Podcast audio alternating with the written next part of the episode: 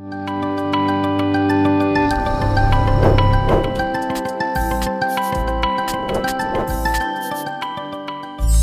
hari ini kita ada di dalam minggu yang ke-24 Dan judul khotbah saya hari ini adalah The Process of Change. Ternyata proses itu sangat perlu dinikmati dan perlu saudara pahami Terutama di dalam buah roh.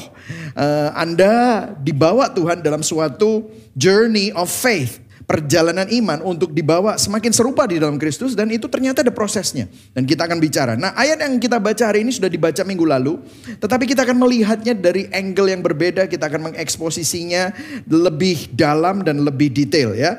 Uh, Galatia 5 ayat 16 sampai 18 kemudian kita akan loncat ayat 22 sampai 25. Yang putih saya bacakan, yang oranye saya bacakan uh, kali uh, kita semua bisa baca bersama-sama. Galatia 5 ayat 16. Maksudku ialah hiduplah oleh roh, maka kamu tidak akan menuruti keinginan keinginan daging. 17. Sebab keinginan daging berlawanan dengan keinginan roh dan keinginan roh berlawanan dengan keinginan daging karena keduanya bertentangan sehingga kamu setiap kali tidak melakukan apa yang kamu kehendaki.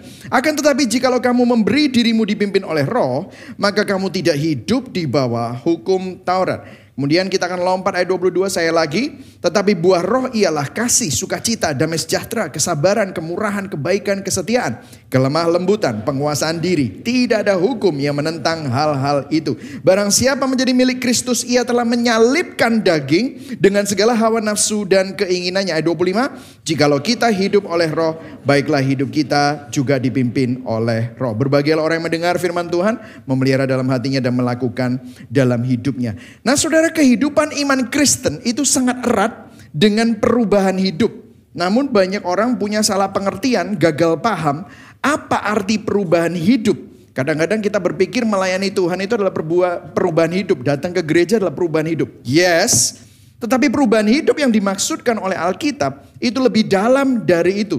Bahkan orang berpikir perubahan hidup hanya dapat terjadi kalau kamu disiplin. Kalau kamu melakukan kemauan yang keras untuk berubah. Apakah seperti itu? Nah, kita akan mem mempelajarinya. Ternyata perubahan hidup itu hanya dapat dipimpin oleh roh. Maka sifat perubahan hidup oleh roh. Poin saya yang pertama. The nature of change by the spirit. Ternyata change by the spirit itu ada nature-nya, sifatnya. Kemudian yang kedua, pola perubahan hidup oleh roh. Pola. The pattern of change by the spirit. Ada polanya, ada patternnya. Kemudian proses perubahan hidup oleh roh. The process of change by the spirit. Ya, kita akan telaah satu persatu dari nomor satu. Sifat perubahan hidup oleh roh. The nature of change by the spirit. Yang ready katakan yes? Yes. We have a lot to cover. So I'm gonna uh, banyak uh, apa namanya diskusi dan kita akan sama-sama masuk. Nah ada yang menarik saudara. Mengapa Rasul Paulus menggunakan kata buah, fruit? Mengapa tidak mengatakan karakter roh atau sifat dari Roh Kudus, tetapi dia pakai buah. Kenapa metafora tentang botanika itu sering dipakai oleh Alkitab? Dan ini bukan hanya Paulus, tapi Petrus. Saya kasih contoh di 1 Petrus 1 ayat 23. Karena kamu telah dilahirkan kembali bukan dari benih. Oh, seed. Ini bicara tentang metafora botanika. Belum lagi Mazmur 1. Mazmur 1 juga begitu. Jadi bukan hanya Petrus tetapi Raja Daud. Berbahagialah orang yang tidak berjalan menurut nasihat orang fasik, tidak berdiri di jalan orang berdosa, tidak duduk di bawah di dalam kumpulan pencemooh, tetapi kesukaannya ialah Taurat Tuhan yang merenungkan Taurat itu siang dan malam. Ayat 3 baca sama-sama. Ia seperti pohon yang ditanam di tepi aliran air yang menghasilkan apa? Buahnya pada musimnya dan tidak layu daunnya. Uh, pohon, buah, daun. Kenapa? Metafora-metafora ini banyak digunakan di dalam Alkitab. Banyak sekali pertumbuhan botanika ini dipakai, saudara. Nah, karena ada ciri tertentu dari pertumbuhan botanika yang mirip dengan pertumbuhan spiritualitas saudara dan perubahan hidup saudara. Satu A ya, sub point dari satu yang sifat itu ya, sifat perubahan hidup yang dipimpin oleh roh adalah apa? Perubahan hidup oleh Roh Kudus sifatnya bertahap, gradual gitu. Saudara kalau sudah perhatikan, saudara punya tanaman, saudara nggak akan pernah bisa melihat tanaman itu tumbuh real time. Pernah nggak saudara? duduk terus ngeliatin pohon saudara ini tumbuh nggak ya? Terus saudara keker gitu ya, tumbuh. Nggak akan pernah. Saudara. Tapi saudara akan tanam, kemudian saudara akan siram, saudara memastikan dapat sinar matahari, saudara pastikan dikasih pupuk, kemudian saudara tinggal. Dan kemudian seminggu kemudian, dua minggu kemudian sudah lihat, eh tumbuh. Begitu juga perubahan hidup oleh roh kudus, sifatnya bertahap. Seperti pertumbuhan tanaman yang mengeluarkan daun, mengeluarkan bunga, akhirnya berbuah. Perubahan hidup manusia, hidup saudara dan saya yang dipimpin oleh roh kudus itu bertahap. Gradual. Anda nggak ngelihat gimana pertumbuhannya, tetapi tiba-tiba aja tumbuh. Tiba-tiba mengeluarkan daun, tiba-tiba mengeluarkan bunga, dan tiba-tiba berbuah. Saya punya anak tiga, saudara. Saya nggak pernah itu ngeliatin anak saya sambil tidur, terus tiba-tiba kakinya tambah panjang, seret gitu. Nggak pernah kan, saudara? Tetapi saudara ketemu sama dia tiap hari ya saudara ya. Tiba-tiba anak saudara, anak saya itu yang pertama itu tingginya 187 saudara. I look up to my son gitu saudara. Hanya yang paham aja. I look up to my son. Itu eh, gila ini kok bisa gede sekali. Anak saya yang kedua sekarang udah 180. Saya ngelihat umur 15 tahun. Uh, tinggi sekali. He become a man gitu ya. Coba saudara lihat ya misalnya kalau misalnya anak saya gitu ya umur 15 tahun gitu. Terus udah gitu saya suruh lari. Lari 100 meter. Shred gitu ya. Lari 100 meter. Terus kemudian uh, di, diukur gitu ya. Kemudian dua tahun kemudian saya suruh lari lagi 100 meter, dia pasti lebih gede selama pertumbuhannya normal ya saudara. Pasti lebih cepat. Tapi kalau saya tanya dia, kamu kerasa cepat gak? Ya aku kerasanya lari. Tapi dia tambah cepat. Dia tidak merasa cepat tapi dia tambah cepat. Begitu juga saudara dan saya. Tiba-tiba saudara bertumbuh. Jadi gini, perubahan hidup oleh roh kudus sifatnya bertahap. Itu tidak bisa dilihat real time. Harus sabar. Harus membutuhkan kesabaran. Jadi kalau saudara punya istri, punya suami, terus saudara ngomong, ini saya sering dapat. Pastor, pastor, bojoku gak berubah-berubah. Sabar. Kalau didoakan ada roh kudus, pasti berubah, tapi sifatnya bertahap. Yang setuju katakan amin. Ya. Hanya bisa diukur tiba-tiba. Bertahap. Bisa cepat kadang-kadang, bisa keluar, tiba-tiba ada yang lama sekali. Jadi butuh kesabaran. Seperti saudara lihat anak kecil ini saudara. Jadi begini, ada yang menarik juga. Mungkin ada orang merasa kok nggak berubah-berubah. Tapi tiba-tiba, tiba-tiba ada ujian dalam hidupnya. Terus tiba-tiba yang keluar adalah dia bukannya marah, Udah dengerin Injil, udah merenungkan Injil. Dia bukannya marah, eh tapi tiba-tiba dia punya penguasaan diri. Dia tiba-tiba bukannya malah sakit hati, tapi punya kesabaran. Nah dengarkan saudara, ini penting sekali.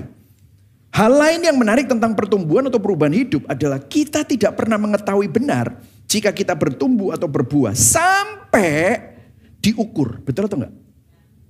Pohon itu kan enggak kelihatan. Anak saya juga tiba-tiba tinggi kan, loh kok bisa setinggi ini ya? Diukur. Begitu juga dalam kehidupan. Gimana cara ngukurnya? Oh, ngukurnya gampang. Waktu masalah datang, waktu kesulitan datang, waktu pergumulan dalam hidup diizinkan Tuhan untuk datang. Itu ternyata untuk ngukur, untuk menguji kita. Saudara bisa bilang gini, wah beberapa tahun lalu kalau aku ngalami ini, wah ndak mungkin aku bisa sabar. Ndak mungkin aku bisa ngampuni. Ndak mungkin aku bisa punya penguasaan diri. Tidak mungkin.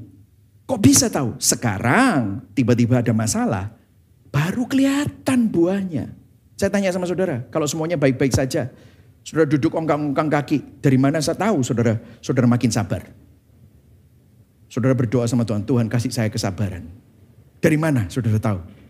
Sama Tuhan diizinkan apa? Hal-hal yang membuat kamu marah. Betul atau enggak? Dari mana saudara tahu, saudara punya penguasaan diri kalau semuanya baik-baik saja. Tuhan kasih saya penguasaan diri. Apa yang terjadi? Tuhan siapkan, sudah perenungan Injil, tiba-tiba apa yang terjadi? Ada temptation, ada godaan, ada pergumulan. Saudara punya penguasaan diri, kalau punya, kalau itu buah dari roh kudus akan muncul. Di situlah akan muncul buah-buah itu secara otentik jadi saya mau memberikan pesan penggembalaan ini bagi Anda yang saat ini mengalami situasi dan keadaan yang sulit di dalam hidup saudara dan menghadapi orang yang sulit, dengarkan, dengarkan ya, ini penting sekali. Sebelum mengubah orang lain dan situasimu, Tuhan lebih ingin mengubah hidupmu terlebih dahulu. Yang setuju katakan amin. Katakan pada kanan kiri, mulainya ya dari aku ini. Ah, amin saudara ya. Ya. Jadi ini lebih penting saudara. Nah selanjutnya, nah kalau saudara lihat di sini buah bukan buah dari dirimu loh. Saya senang sekali tadi dengan kata kismus reformasi mengingatkan bahwa kalau kita kudus, Orang kudus itu bukan karena kamu kudus dulu, tetapi kekudusan Kristus tinggal di dalam kita dan kita mengenakan manusia baru. Orang kudus itu gara-gara kekudusan Kristus menguduskan kita. Kekudusan secara posisi. Artinya di dalam hidup saudara itu ada roh kudus. Artinya buah yang saudara keluarkan itu bukan buahnya Michael Christian, bukan buahnya nama saudara sendiri, tetapi buah dari roh kudus. Yang setuju katakan amin. Artinya gini loh, Tuhan gak pernah minta saudara mengeluarkan sesuatu yang saudara belum punya. Gimana bisa mengeluarkan sesuatu yang belum kita punya? Gak bisa. Fruit of the Spirit itu artinya bahwa kita semua yang ada di dalam Kristus adalah orang-orang kudus karena Kristus. Maka kekudusan itu bukan berarti belum ada di dalam hidup saudara. Kita sudah punya. Katakan sama-sama, saya sudah punya. Amin saudara. Saudara sudah punya. Kalau sudah lihat ya di sini ya. Tetapi buah roh ialah kasih, sukacita, damai sejahtera, kesabaran, kemurahan, kebaikan, semua itu ya. Kalau sudah lihat di sebelahnya kata kasih, itu ada huruf H. Saudara buka Alkitab saudara, Alkitab saudara semua bahasa Indonesia, terjemahan baru, ada huruf H kecil. Saudara lihat di catatan kaki, kalau elektronik dipencet hanya, maka itu akan muncul merujuk pada Roma 5 ayat 1 sampai 5. Menjelaskan begini, Tuhan yang menginstall. Saya kenapa pakai kata menginstall? Saudara punya komputer bisa powerful, operating sistemnya bisa hebat, ini RAM-nya bisa tinggi, uh, semuanya bagus, tapi nggak diinstal dengan productivity app atau uh, apa software-software yang berguna seperti Office lah, maka komputer ini nggak ada gunanya. Saudara perlu install sesuatu supaya komputer ini bisa melakukan hal-hal yang produktif dan terlihat keluar powernya. Harus diinstal sesuatu. Kalau diinstal isinya virus, malware, percuma akan rusak. Begitu juga hidup kita. Tuhan yang menginstal. Nah bunyinya seperti apa? Roma 5, lihat. Saya kasih yang biru-biru itu semua. Saudara sudah punya. Melalui kasih karunia Tuhan di dalam roh kudus. Sebab itu, kita yang dibenarkan karena iman, kita hidup dalam apa? Damai sejahtera. Dengan Allah oleh karena siapa? Tuhan kita, Yesus Kristus. Ayat 2. Oleh siapa? Dia kita juga beroleh jalan masuk ke oleh iman kepada kasih karunia ini. Loh, oleh siapa? Yesus. Di dalam kasih karunia ini kita berdiri dan kita bermegah dalam apa? Pengharapan. Saudara nggak putus asa, saudara punya pengharapan gara-gara siapa? Kristus. Kita berdiri di mana? Kasih karunia dari Kristus. Bahwa kita akan menerima kemuliaan Allah. Ayat 3. Dan bukan hanya itu saja, kita malah bermegah juga dalam apa? Kesengsaraan kita. Karena kita tahu bahwa kesengsaraan itu menimbulkan apa? ketekunan. Saudara tahu bahasa ketekunan di situ itu mirip atau serumpun dengan kesabaran. Oh, kesabaran dari buah roh. Dan ketekunan menimbulkan apa? Tahan uji. Meskipun mengalami sengsara, tahan uji. Saudara tetap sabar, punya damai, punya sukacita. Tahan uji menimbulkan apa? Pengharapan. Oh, balik lagi pengharapan. Dan Lihat, baca ayat 5, sama-sama yang keras. Satu, dua, tiga. Dan pengharapan itu tidak mengecewakan. Kenapa? Karena apa? Kasih Allah telah dicurahkan di dalam hati kita oleh siapa? Roh Kudus yang telah dikaruniakan kepada wow, diinstal sendiri sama Tuhan. Makanya total depravity itu ya minggu lalu ya kita belajar bahwa manusia itu rusak total sama Tuhan nggak cuma dibetulin, dimodifikasi enggak. Diinstal, dilahir barukan dikasih roh yang baru, hati yang baru, bukan modifikasi yang lama. Wah, berikan tepuk tangan buat Tuhan. Ini luar biasa. Amin, Saudara. Ini adalah sesuatu yang kabar baik, Saudara. Artinya kita bukan belum punya. terus disuruh menghasilkan sesuatu yang kita belum punya. No, kita sudah punya, cuman belum keluar, belum muncul buahnya, tapi sudah ada di dalam kita. Nah, ini yang membuat poin 1B, perubahan hidup oleh Roh Kudus bukan cuman hanya bertahap, tetapi sifatnya pasti. Karena di dalam saudara ada benih dan kuasa Roh Kudus yang memberikan kita kebangkitan kebangkitan rohani. Nah, Saudara ada seorang yang namanya G. Campbell Campbell Morgan adalah seorang uh, hamba Tuhan Inggris. Dia menceritakan sebuah kisah di mana dia melihat uh, sebuah contoh yang menunjukkan kekuatan dari pertumbuhan dari Roh Kudus ini. Dia bilang begini, dia pergi ke Italia, terus kemudian dia melihat sebuah kuburan di mana ada lempengan marmer besar di atas kuburan seseorang. Tapi dia lihat ada yang menarik. Rupanya dia tanya sama orang yang jaga kuburan, ini kenapa kok ada di sini? Nanti saya jelaskan apa yang terjadi di situ. Oh orangnya yang jaga kuburan bilang, itu di dalamnya kuburan itu nggak sengaja ada benihnya pohon oak. Oak itu ek gitu. Masuk di dalam kuburan dengan tanah. Kita tutupin dengan lempengan marmer yang beratnya ratusan kilo. Besar saudara. Tapi apa yang terjadi? Pohon ek itu benihnya kecil. Kalau saudara lihat benih kecil lawan kub, uh, lempengan marmer yang beratnya ratusan kilo, saya tanya, menangan mana? Ya pasti menangan lempeng marmer besar. Tapi waktu ditanam, tidak sengaja ditanam, mulai muncul pucuknya, tunasnya, batangnya, rantingnya, ada daunnya dan bertumbuh besar. Akhirnya apa yang terjadi? Itu lempengannya ditembus sama pohon sehingga pecah. Dan apa yang terjadi di tengah-tengah batu nisannya tiba-tiba muncul pohon besar gitu. Terus dia bilang, ini modelnya saya nggak nemu, ini cuma hanya saya baca ya. Tapi saya nemu, ternyata modelnya ada yang seperti gini nemu. Saudara. Ini lempengan batu, batu alam, beratnya ratusan kilo. Kalah sama tumbuhnya sebuah pohon. Kalau pohon dengan benih yang fana aja bisa seperti ini. Apalagi roh kudus yang ada di dalam hidup saudara. Pasti bisa mengalahkan dosa. Pasti tidak mungkin tidak. Karena ini adalah kekuatannya bukan dari kekuatan manusia. Tetapi pertumbuhan dari roh kudus. Karena ini bukan hanya buah biasa. Tetapi ini adalah buah roh. Jika roh Allah ada di dalam kita, maka kita pasti akan mengalami perubahan hidup. Yang setuju katakan amin. Martin Luther bilang begini, kita diselamatkan hanya oleh iman, tetapi iman yang menyelamatkan tidak pernah sendirian. Kita tidak diselamatkan oleh perbuatan, tetapi jika tidak ada perbuatan, pasti ada yang keliru dengan imannya. Apa maksudnya pastor? Maksudnya gini, saudara dan saya tidak diselamatkan oleh buah, namun diselamatkan oleh kasih karun karena kasih karunia oleh iman. Namun iman yang sejati, yang lahir dari kuasa roh kudus, pasti akan melahirkan buah yang nyata. Amin saudara. Jadi ya gini ya, jangan bilang gini saudara, oke. Ini saya banyak nih konseling-konseling. Aku iki ya wis ngene iki lho. Wis bangkotan, wis tuwek, gak usah suruh-suruh berubah.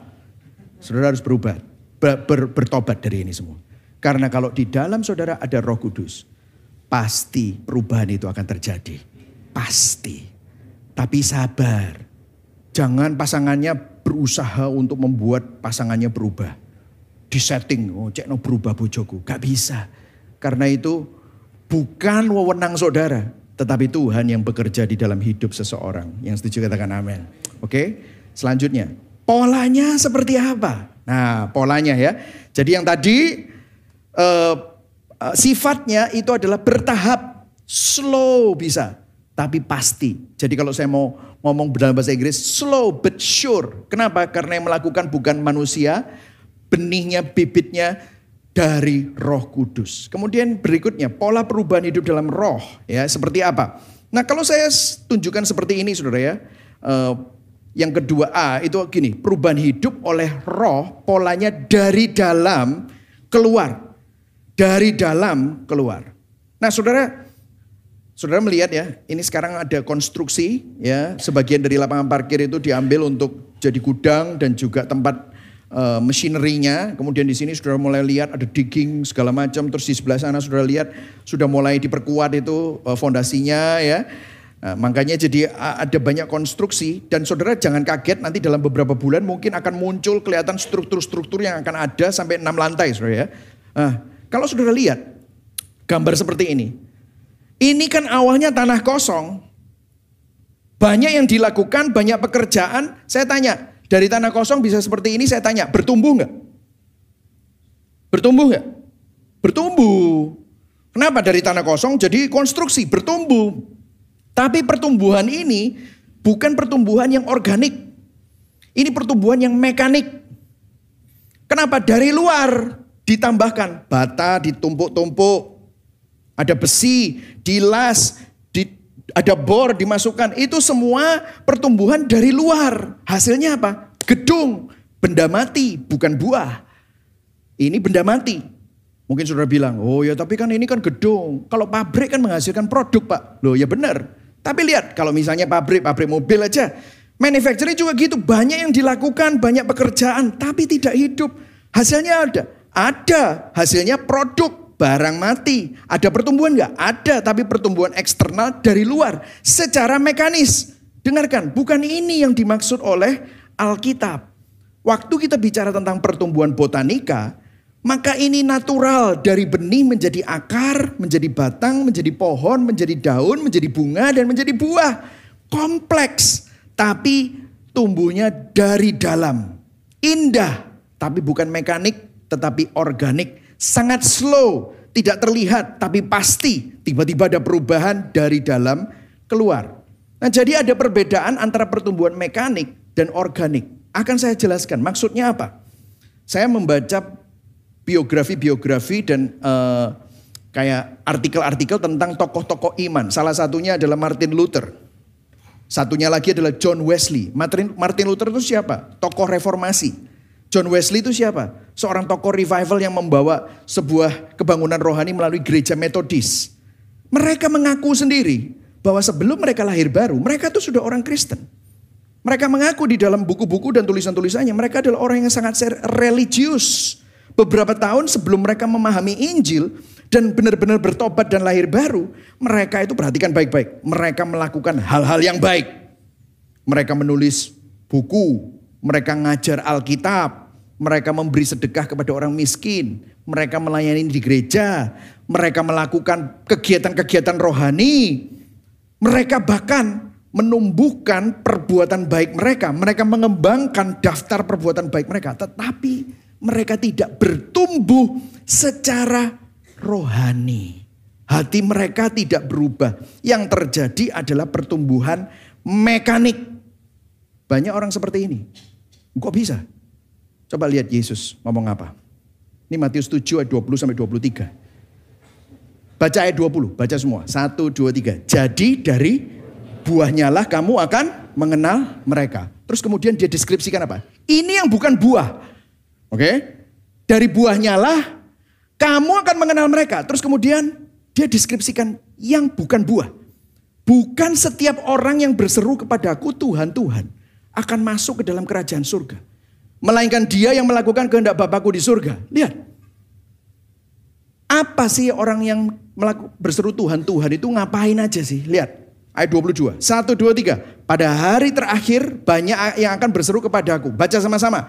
Tuhan, Tuhan, bukankah mereka, kami bernubuat demi namamu dan mengusir setan demi namamu dan mengadakan banyak mujizat demi namamu juga. Ayat 23. Pada waktu itulah aku akan berterus terang kepada mereka dan berkata, aku tidak pernah mengenal kamu, enyahlah daripadaku, kamu sekalian pembuat ini jujur ya saudara, saya pernah didatengin orang bawa ayat ini.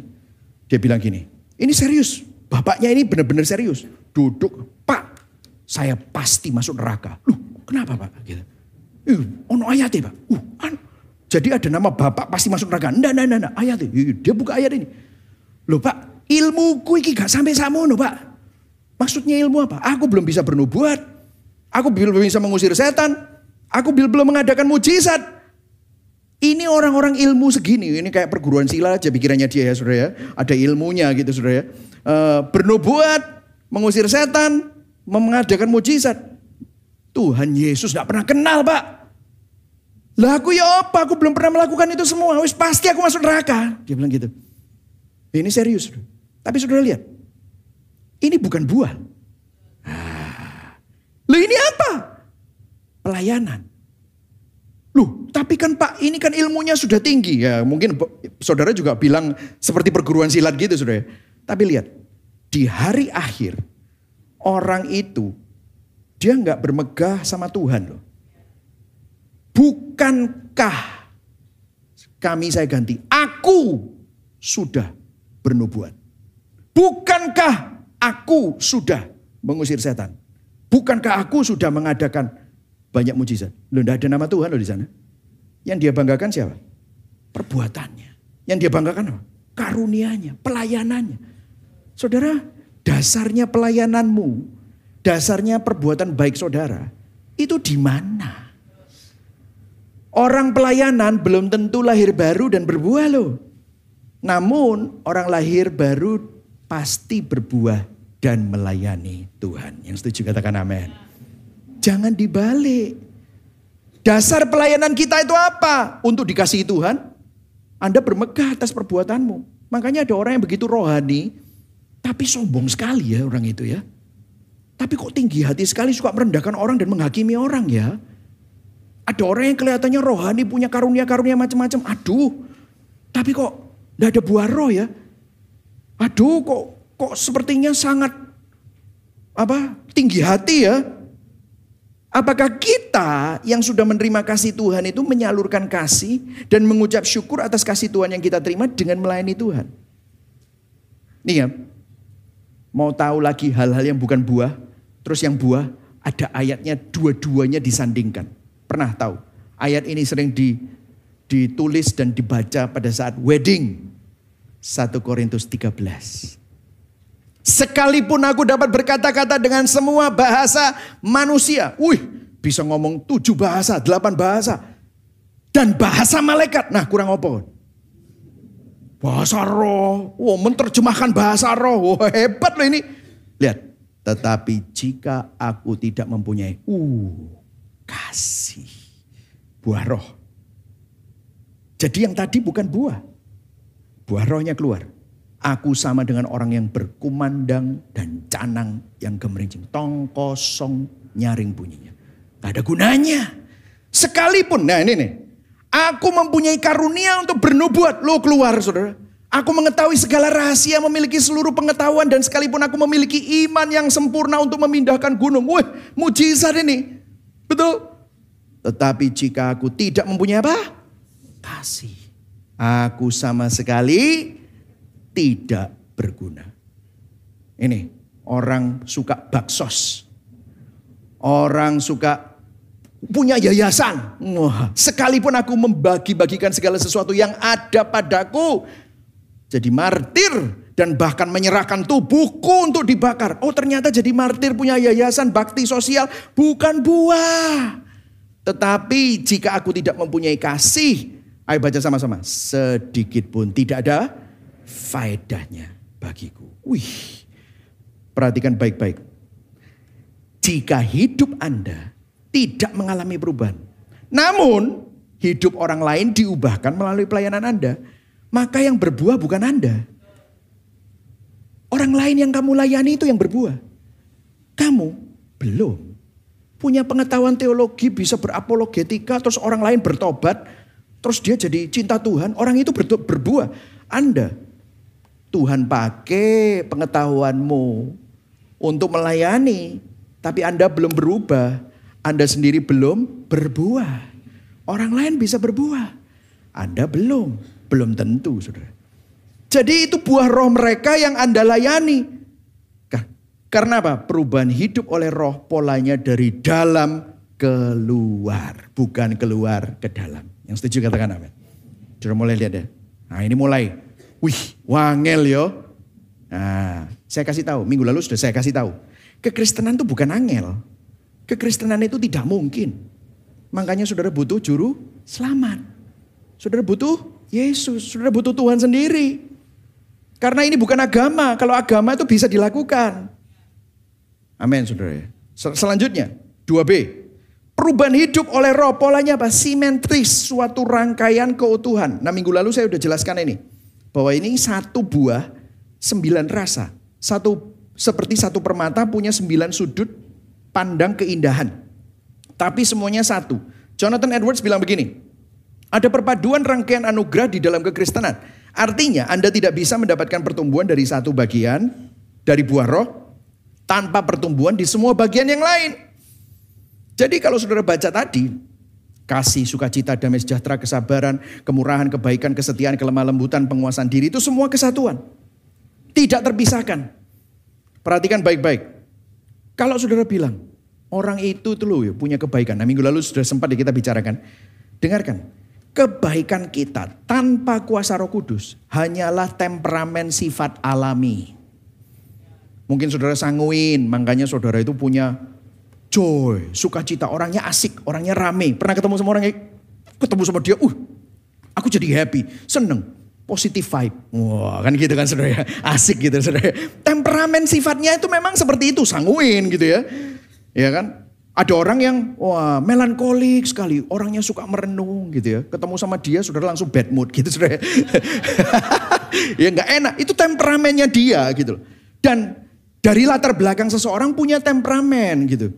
Oh ada orang itu wah leadership skillnya benar-benar kolerik gitu. Itu kolerik gitu. Myers and Briggs itu mungkin INTP, INTJ ya. Uh, ada ada hal-hal seperti itu. Itu temperamen, kepribadian. Tetapi itu tetap tercemari oleh dosa. Dan oleh kepentingan diri sendiri. Itu hanya tes personalitas saudara. Contoh ya, contoh. Ada orang memiliki kelemah lembutan, namun belum tentu memiliki kesetiaan. Lah ini kan repot. Ada orang yang bilang, oh dia itu lemah lembut tapi nggak setia. Loh lah berkontradiksi. Karena begini saudara, kalau ada orang yang lemah lembut, sering kali memang banyak yang lemah lembut tapi nggak berani menegur temannya. Dia nggak setia kawan. Dia lemah lembut, dia kelihatannya baik, kalem, tapi kalau disuruh negur, aduh gak bisa, aku nanti menyinggung dia. Loh kalau itu benar dan itu menolong temanmu, Mestinya kan kamu mau, tidak bisa. Nah model seperti ini, itu jelas-jelas bukan buah. Artinya kelembutan mereka bukan dari kerendahan hati atau dari pertumbuhan rohani yang nyata. Hanyalah kemanisan temperamental yang manusiawi. Saya kasih contoh, yaitu tadi saya. Wah gembira orangnya itu, wah seru banget. Tapi belum tentu memiliki kesabaran. Maksudnya apa? Ada orang yang asik gitu, begitu ada yang gak enak, ada yang vibe-nya gak enak sama dia. Eh bro, sorry ya, gue sibuk, ya udah langsung cabut dia. Dia nggak sabar sama orang-orang model kayak gini. Kenapa? Ya karena menurut dia ini ngerusak vibe-nya dia, males banget gitu ya. Ini jadi masalah, hidup gue jadi susah gara-gara ada orang ini.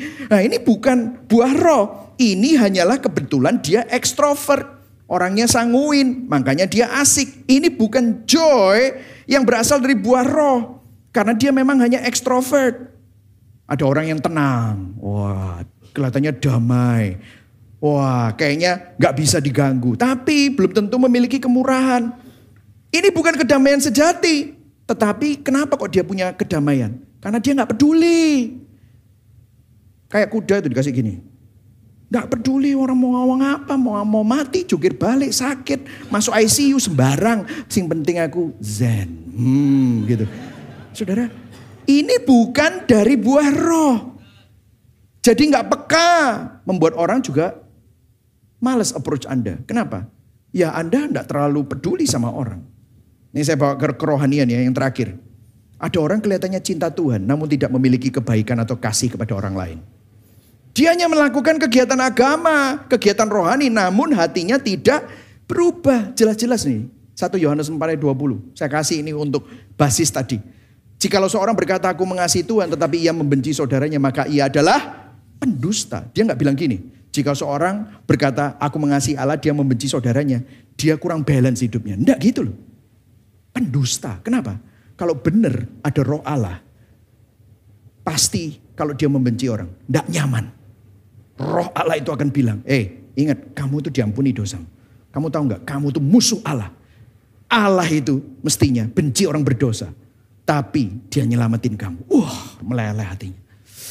Tuhan kok bisa ya Artinya aku ini nggak bisa ngasih dia berarti aku lupa. Aku ini udah diampuni dan dikasih. Karena barang siapa tidak mengasihi saudaranya yang dilihat, nggak mungkin ngasih Allah yang tidak dilihat. Ya saudara ya. Jadi ini adalah sifat, pola. Saya berikan sedikit rangkuman sebelum kita masuk dalam penutupan. Jadi perubahan hidup oleh roh sifatnya bertahap dan pasti. Perubahan hidup oleh roh, polanya dari dalam keluar dan simetris. Pasti suatu rangkaian keutuhan. Tidak bisa dipisah-pisah. Nah terus gimana prosesnya? Nah ini prosesnya. Ada tiga subpoint. Saya akan cepat each five minutes ya. Coba saudara lihat, barang siapa menjadi milik Kristus Yesus, baca sama-sama 1, 2, 3, ia telah menyalibkan daging dengan segala hawa nafsu dan keinginannya. Poin yang pertama dari poin yang ketiga ini adalah, saudara dan saya adalah milik Kristus Yesus. Perubahan hidup oleh roh prosesnya adalah mengingat bahwa kita yang rapuh dan berdosa sudah ditebus menjadi milik Kristus. Kenapa saya taruh di sini rapuh? Karena kita selalu menaruh iman pada hal-hal yang rapuh. Rapuh itu fana. Fana itu mudah berubah. Fana itu sia-sia. Tubuh kita rapuh. Begitu mudah sakit. Ada yang salah sedikit konslet saudara tubuh kita ini. Kekayaan kita juga rapuh. Hidup kita begitu rapuh. Keluarga kita juga rapuh. Ini adalah problem fundamental manusia kejahatan. Ada kejahatan sedikit terjadi atas kehidupan kita, rapuh. Kematian, kita semua takut mati. Kengerian mati itu mengerikan, rapuh saudara. Penderitaan, begitu ada penderitaan, sukacita kita hilang, rapuh. Pergumulan eksistensial, bukan hanya fundamental, eksistensial. Manusia cari makna, manusia cari harga diri, penerimaan, manusia cari kasih. Tapi di mana? Di tempat-tempat yang fana, di tempat-tempat yang gampang berubah, gampang kecewa, gampang mengecewakan, cari pengakuan dari orang yang pendapatnya bisa A, bisa B hari ini berbeda-beda, rapuh. Katekismus kita juga sudah ditekankan bahwa di dalam Kristus, puji Tuhan, kita tidak berdiri sendirian. Kita tidak berdiri dalam kerapuhan dan kefanaan kita, tetapi di dalam Kristus kita ditebus menjadi milik Kristus supaya saudara tidak menaruh iman lagi pada hal-hal yang rapuh. Yang setuju katakan amin. Saudara tahu Rasul Paulus menulis kata-kata dalam Kristus. Katakan sama-sama dalam Kristus, dalam Kristus. Berapa kali di ayat tulisan-tulisannya? 216 kali. Wih, Rasul Yohanes menulis kata dalam Kristus, milik Kristus 28 kali. Ini merupakan pernyataan identitas, pernyataan kepemilikan. Makanya ada lagu, hidupku bukannya aku lagi, tapi Kristus dalamku. Lagu sekolah minggu ya. Oh itu ternyata itu toh. Yes. Jadi perubahan hidup pasti terjadi. Kenapa? Karena kamu milik Kristus. Amin saudara. Dia ingin membawa kamu seperti dia. Supaya kamu, saudara dan saya, tidak disiksa lagi oleh berhala-berhala ini. Yang berikutnya. Terus kemudian dikatakan apa? Ia telah menyalipkan daging. Nah, saya banyak sekali ketemu sama orang yang salah kaprah tentang ini. Menyalipkan daging ini maksudnya apa, Pastor? Menyalipkan daging di sini bukan saudara melawan semua yang duniawi dihindari, saudara. Bukan. Karena kalau ngomong kayak begitu, itu artinya asketisme. Tahu saudara, asketisme itu adalah paham atau ajaran yang meninggalkan kehidupan yang bersifat materi dan duniawi untuk mencapai kebaikan dan keselamatan. Saudara bertapa. Oh, bertapa. Bukan. Atau kalau enggak, wah aku enggak mau makan daging, aku enggak mau makan ini, aku puasa ini, oh aku enggak mau pakai baju-baju model seperti ini, aku pakai jubah aja gitu. Sama pakai sandal. Wah gitu kan saudara ya. Itu asketisme. Aku enggak mau pakai make up, aku pakai bajunya putih-putih saja gitu saudara. Wah aku pak, jadi hal-hal yang melawan pantangan. Ini bukan, menyalipkan daging di sini bukan bicara itu. Dan juga bukan banyak, oke, okay, tidak melakukan itu. Tapi you have to say no to sin. Bagus. Tetapi bukan sekedar just say no to sin. Mengatakan tidak kepada perilaku dosa tanpa memeriksa motivasi di balik perilaku dosa Justru bisa menjadi bagian dari bentuk baru usaha untuk membenarkan diri sendiri. Yang akhirnya akan melahirkan dosa-dosa baru lainnya. Jadi kalau saudara bisa, oh aku enggak. Misalnya, misalnya gitu ya, misalnya. Saudara misalnya teman-teman saudara minum semua. Terus saudara ditawarin, oh sorry, sorry, aku enggak. Tapi dalam hati, kak koyo iki, wong-wong iki.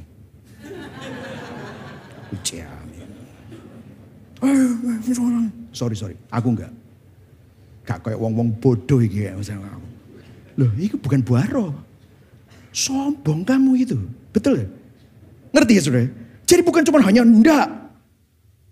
Eh, Oh, aku ndak pernah selingkuh, aku ndak pernah selingkuh. Gak kayak wong-wong iku selingkuh kabeh, gak main ya saya.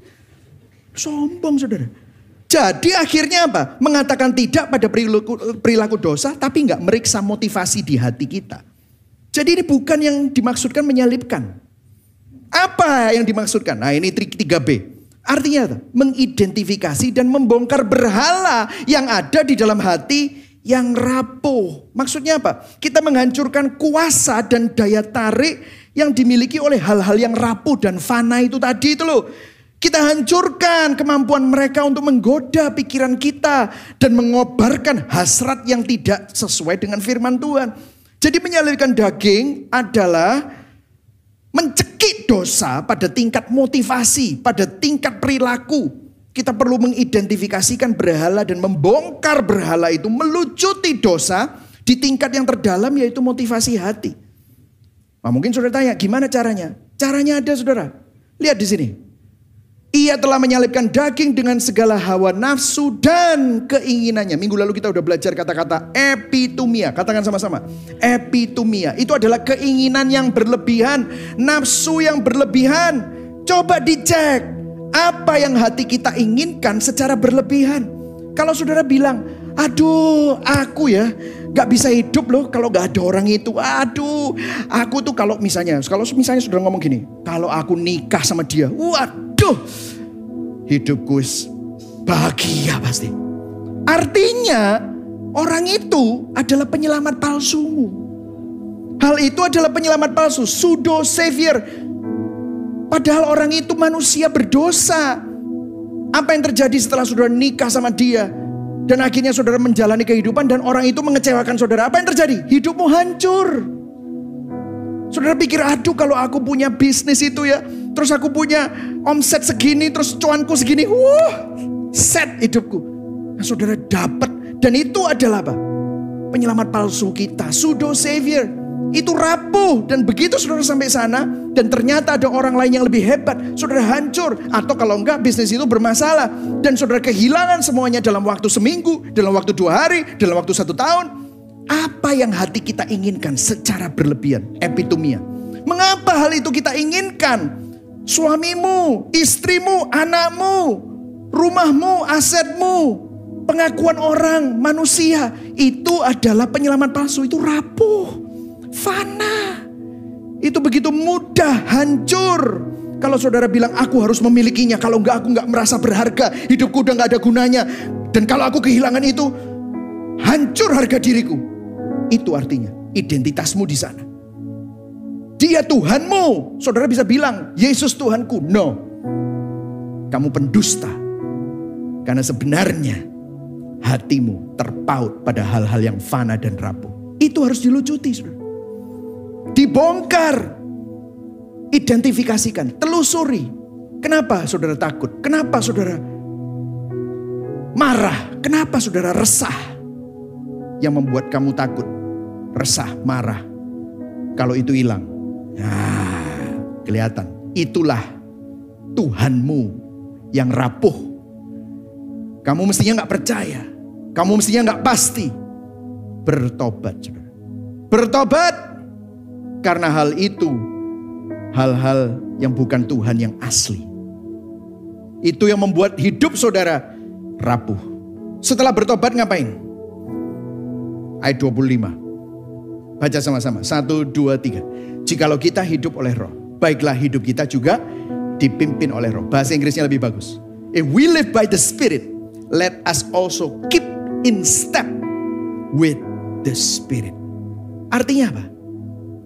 gantikan keinginan kita terhadap berhala dan hal-hal yang rapuh dan fana itu dengan apa yang diinginkan Roh Kudus. Dengarkan saudara, jika daging memiliki epitomia, maka Roh Kudus juga memiliki epitomia. Daging maunya hal yang rapuh. Roh Kudus akan memimpin kita menginginkan apa yang Roh Kudus inginkan. Apa yang Roh Kudus inginkan? Minggu lalu kita udah belajar. Semua yang Roh Kudus inginkan akan selalu memandang bukan kepada saya tetapi kepada Yesus, kepada karya salibnya. Mengapa? Karena di salib Tuhan memberikan solusi akan kerapuhan saudara. Karena di salib Tuhan memberikan jalan keluar akan kefanaan saudara. Apa yang terjadi di salib di salib, di sana Allah menunjukkan kasihnya yang terbesar kepada kita. Dengan apa? Merengkuh kerapuhan kita. Tuhan Tuhan gak cuma duduk di tahta di surga, membiarkan kita disiksa oleh kerapuhan dunia. No, dia mengosongkan dirinya. Dia tidak menganggap kesetaranya dengan Allah sebagai milik yang harus dipertahankan. Tetapi dia merengkuh kerapuhan saudara. Dia merasakan penderitaan terberat kalau saudara menderita dan bilang penderitaanku berat, no. Penderitaan Yesus lebih berat. Dia Tuhan yang mengerti penderitaanmu. Dia mengalami kejahatan terbesar. Sang hakim harus diadili, sang hakim harus dihukum, sang hakim harus difonis bersalah. Dia menjalani kengerian maut. Supaya apa? Supaya saudara tidak menemukan keutuhan di tempat-tempat yang rapuh lagi Supaya kita menemukan keutuhan kita di dalam Kristus. Saudara tidak perlu mencari penerimaan dari mertuamu yang bisa berubah, dari suamimu yang tidak konsisten, dari istrimu yang bisa mengecewakan, dari anak-anakmu yang belum tentu hormat sama kamu. Saudara tidak perlu menerima, mencari penerimaan lagi di situ. Saudara mendapatkan penerimaan di dalam Yesus. Inilah anakku yang kukasihi. Kepadanya lah aku berkenan. Perkenanan saudara ada di dalam Kristus. Saudara bisa tenang. Karena Tuhan yang sama yang memilih saudara.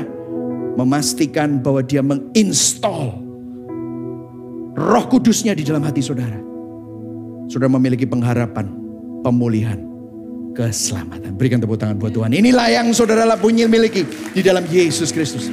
Roh Kudus akan memimpin kita kepada keindahan Injil. Lihat Yesus.